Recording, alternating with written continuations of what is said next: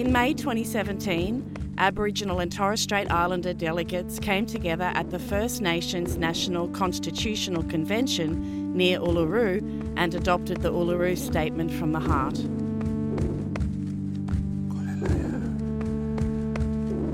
The statement proposes a change to Australia's constitution, recognising Australia's First Nations in the constitution and a way forward based on truth, justice, and self determination.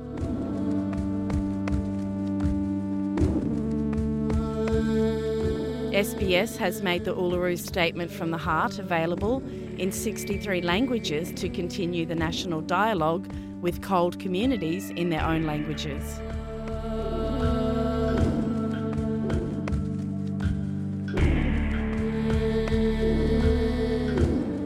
(2017) 전국 헌법대회에 모인 우리는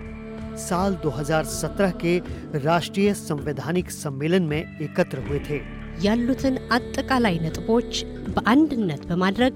አውዳት ሰርገንደወኒ ለኽበል ዝረ ጸኸከው שבטים אבוריג'ינים ושבטים מאיי מיצר תורס היו הריבוניים הלאומיים הראשונים שהתיישבו ביבשת אוסטרליה והיו הסמוכים